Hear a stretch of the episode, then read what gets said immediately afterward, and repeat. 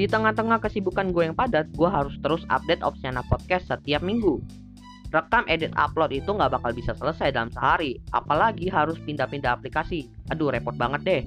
Tapi sekarang gue bisa nyelesain semuanya dalam waktu 10 menit aja, karena gue pakai Anchor. Rekam, edit, dan upload semuanya dalam satu aplikasi aja tanpa perlu pindah-pindah. Jadi nggak perlu takut lagi deh sama yang namanya deadline.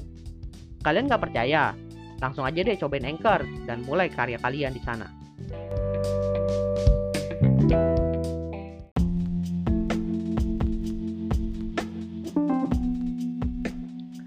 27 Oktober 2022 akhirnya Elon Musk resmi nih jadi pemilik Twitter.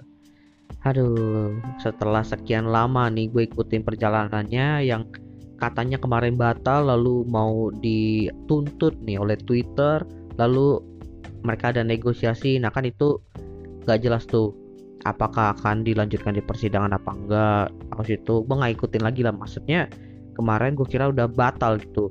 Dan ternyata malah jadi dan totonya udah jadi nih ownernya Twitter. Terus ya udahlah gue cari informasinya dan gue riset. Dan Elon Musk itu ternyata membuat kesepakatan untuk membeli Twitter itu senilai 44 miliar US dollar atau sekitar 684 triliun. Nah, ada beberapa artikel yang bilang 687 triliun. Pokoknya ya ikutin yang dolarnya aja deh di mana menurut gue itu fantastis banget sih tapi ya yang menurut gue cukup menarik di sini bukan keberhasilan dia atau kesepakatan dia membeli Twitter ini loh tapi action yang dia lakukan setelah dia membeli Twitter memang si Elon Musk itu pernah bilang dia itu akan mulai PHK nih Bahkan rumornya itu sampai 7.500 karyawan Twitter. Tapi ternyata secara mengejutkan dia itu mecat top eksekutifnya Twitter. Yang cukup disorot di sini itu yang pasti CEO Twitter yaitu Parag Agrawal, kemudian si Finance Officer Ned Siegel dan Kepala Kebijakan dan Legal Vijaya Gate. Dan alasannya kenapa Elon Musk memecat uh, mereka terlebih sebenarnya lebih disorot si kepala legalnya ini ya karena kepala legal ini adalah orang yang pernah nih uh, memblokir Trump dari Twitter karena ya kita tahu ya Donald Trump itu adalah salah satu uh, negarawan lalu influencer juga yang suaranya cukup didengar di Twitter makanya karena ada beberapa kasus yang katanya bisa mempengaruhi orang gitu dia diblok gitu karena tweet-tweetnya juga kontroversial. Nah, pemblokiran ini yang menjadi salah satu pertimbangan Elon Musk nih untuk memecat si kepala legalnya karena ya Elon Musk itu kan pengen ada sosial media yang benar-benar mendukung freedom of speech gitu. Pemblokiran aja terhadap satu orang ini aja udah tergolong pelanggaran dari keinginan dia. Jadi kemungkinan besar nih uh, top eksekutif dari Twitter yang dipecat Elon Musk ini adalah orang-orang yang uh, tidak diduga atau ditakutkan oleh Elon Musk ini tidak mendukung visinya membuat Twitter itu sebagai tempat freedom of speech. Lalu alasan lainnya adalah karena mereka itu belum menunjukkan data akun palsu yang ada di Twitter. Dan bahkan Elon Musk ini masih menuding ya bahwa data yang ditampilin pun itu masih data rekayasa. Tapi ya udahlah dia udah beli Twitter gue udah punya nih ya udah gue pecat aja kok. Jadi itu sih yang pengen gue highlight nih dari berita Elon Musk. Kemudian lanjut nih gue pengen highlight berita lainnya. Dari salah satu miliuner juga dari Meta atau ex Facebook lah istilahnya dari CEO-nya Mark Zuckerberg jadi uh, kemarin itu lagi ini ya lumayan heboh karena saham dari si Meta ini anjlok sampai 70%. Penyebabnya adalah karena pendapatan dia itu turun sekitar 4% dibandingkan dengan tahun lalu. Lalu pas dihitung-hitung juga ternyata labanya itu jatuh sampai 52%. Alasannya apa? Alasannya adalah ya investor itu sentimen, bukan cuma investor bahkan kayaknya masyarakat dunia sentimen dengan uh, tindakan Elon eh Elon Musk Mark Zuckerberg yang fokus nih untuk mendevelop metaverse. Bahkan ya, kabarnya kekayaan dari si Mark Zuckerberg ini hilang sampai 1500 triliun. Itu udah ribuan sih triliunnya. Tapi sebenarnya memang sih si Meta ini lagi memfokuskan resource-nya itu ke pembangunan dunia metaverse. Tapi ya eh, di sini pun bisa dilihat faktor lain mengapa pendapatan dari Meta itu bisa turun. Karena mungkin teman-teman nggak tahu ya bahwa eh, di Apple itu kalau kalian naruh aplikasi di App Store itu kan eh, ada aturan baru di mana kita itu nggak bisa naruh sebuah iklan sembarangan di aplikasi kita, even aplikasi kita selama kita naruhnya di App Store. Nah, sedangkan kita tahu bahwa Meta dengan aplikasi Facebooknya, Instagramnya itu bergantung banget sama iklan. Dengan adanya aturan ini tentunya ada pembatasan, ada perlu penyesuaian lagi gimana cara mereka bisa beriklan tapi tetap mengikuti uh, aturannya si App Store ini. Ya, kalau dari segi teknikal artinya ada yang perlu di develop dan itu butuh waktu.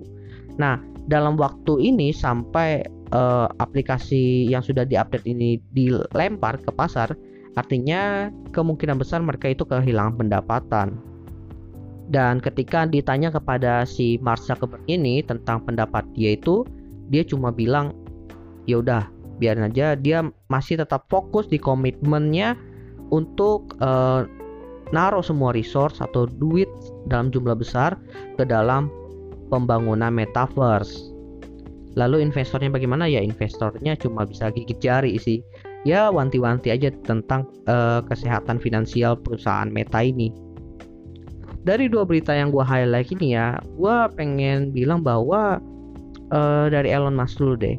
Elon Musk ini menunjukkan kekuatan dia. Ini kasusnya cukup mirip sama uh, kasusnya Apple juga, di mana dulu Steve Jobs itu uh, dipecat oleh CEO yang dia pilih sendiri.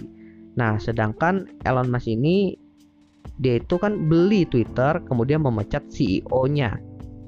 Jadi bisa dibilang ya top eksekutif ini dipecat dari orang yang dari luar. Cuma bedanya di sini yang terkenal itu si Steve Jobs-nya, sedangkan yang sini Elon Musk yang terkenal dia yang mecat kan. Tapi ada hal lain yang cukup mengganggu gua ya, di mana uh, sebelum pembelian Twitter ini bahwa CEO Twitternya itu yang sekarang udah jadi mantan CEO-nya pernah memutuskan bahwa karyawan Twitter itu bisa bekerja di mana aja. Nah, ketika Elon Musk ini sudah menjadi pemilik Twitter dan bahkan udah memecat nih top eksekutifnya, apakah kebijakan untuk karyawan Twitter itu bekerja di mana aja itu bakal dihilangkan. Soalnya kan kita tahu bahwa Elon Musk itu juga lagi kontroversi ketika mereka dia bilang bahwa dia akan memecat karyawan yang nggak mau uh, kembali kerja di kantor. Which is hal ini pun menjadi salah satu keresahan yang nantinya akan dirasakan oleh karyawan Twitter ya. Belum lagi si Elon Musk ini juga uh, memerintahkan bukan memerintahkan siapa ya? Ya benar lah memerintahkan uh, engineer dari Tesla untuk mereview source code dari aplikasi Twitter dari si engineer-nya Twitter. Jadi menurut gue ada kemungkinan hal-hal ini bisa terjadi karena adanya uh, usaha Elon Musk untuk mensinkronkan Tesla dengan Twitter gitu biar selaras cara kerjanya. Tapi terlepas dari itu, kalau ngelihat cara kerja Elon Musk di Tesla, kalau dia terapkan di Twitter, ada kemungkinan juga positifnya dia bisa uh, menumpas chatbot-chatbot yang dia bilang tadi akun-akun palsu.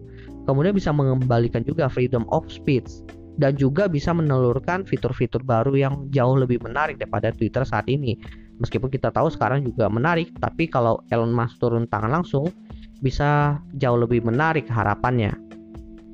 Kalau untuk kasusnya si Mark Zuckerberg, gue agak sentimen juga sih sama metaverse dari awal karena menurut gue ada step-step yang perlu dilalui terlebih dahulu di mana seharusnya itu dia fokus di augmented reality seperti yang dilakukan dari pesaingnya yaitu Apple.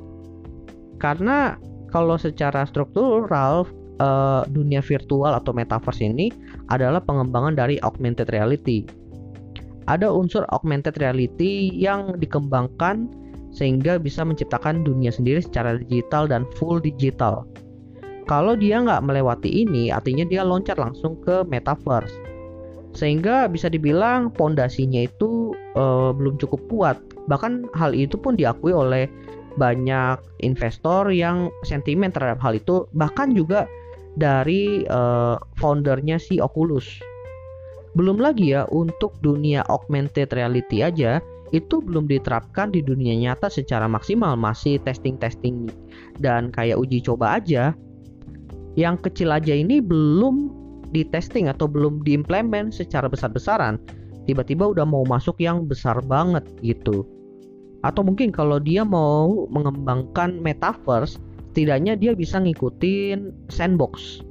Soalnya yang dikembangkan oleh si Mark Zuckerberg ini metaverse-nya itu udah bener-bener uh, yang futuristik dan kalau diprediksi itu butuh waktu yang panjang untuk diciptakan pertanyaannya kan pasti apakah teknologinya sudah ada? Kalau teknologinya sudah ada ya tinggal kita pakai untuk membuat dunia metaverse itu kan. Nah kalau belum ada gimana? Artinya dia perlu kerja dua kali. Harus nyiptain teknologi atau hardware-nya dulu baru nyiptain dunianya. Dan belum lagi nih buat teman-teman yang nggak tahu ya kan gue developer dan sering mantau. Facebook itu atau Meta ini adalah perusahaan yang cukup sering mengeluarkan bahasa-bahasa pemrograman khusus gitu. Jadi bisa aja dia membuat metaverse dengan bahasa pemrograman yang baru buatan mereka juga. Artinya stepnya tadi bukan dua lagi, tiga.